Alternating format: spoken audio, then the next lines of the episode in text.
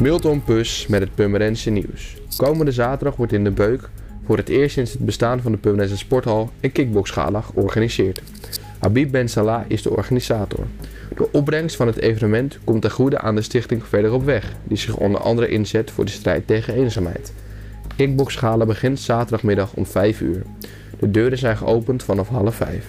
Tickets in de voorverkoop kosten 20 euro en zijn verkrijgbaar bij Ben Salah Gym aan de Beemsterburgwal. Kaarten aan de deuren op de dag zelf zijn 30 euro. Twee auto's zijn zaterdag op elkaar gebotst op de kruising van de Van Osweg en de Edisonweg in Purmerend. De voertuigen raakten beide flink beschadigd. Hoe het ongeval kon gebeuren is nog niet duidelijk. Er raakte niemand gewond. In een van de auto's zat een kindje die voor controle werd nagekeken in de ambulance. Ook dit jaar namen Purmerend en de Beemse deel aan World Cleanup Day. In de haven aan het Wereldplantsoen werd zaterdag 21 september met kano's, schepnetten en grijpers op zwerfafval gejaagd. Wethouders Paul van Meekeren van Purmerend en AG Zeeman van Beemster gaven rond 10 uur ochtends het startschot waarna de deelnemers het water op gingen. Voor meer nieuws, kijk of luister natuurlijk naar RTV volg je onze socials of ga naar rtvpurmerend.nl.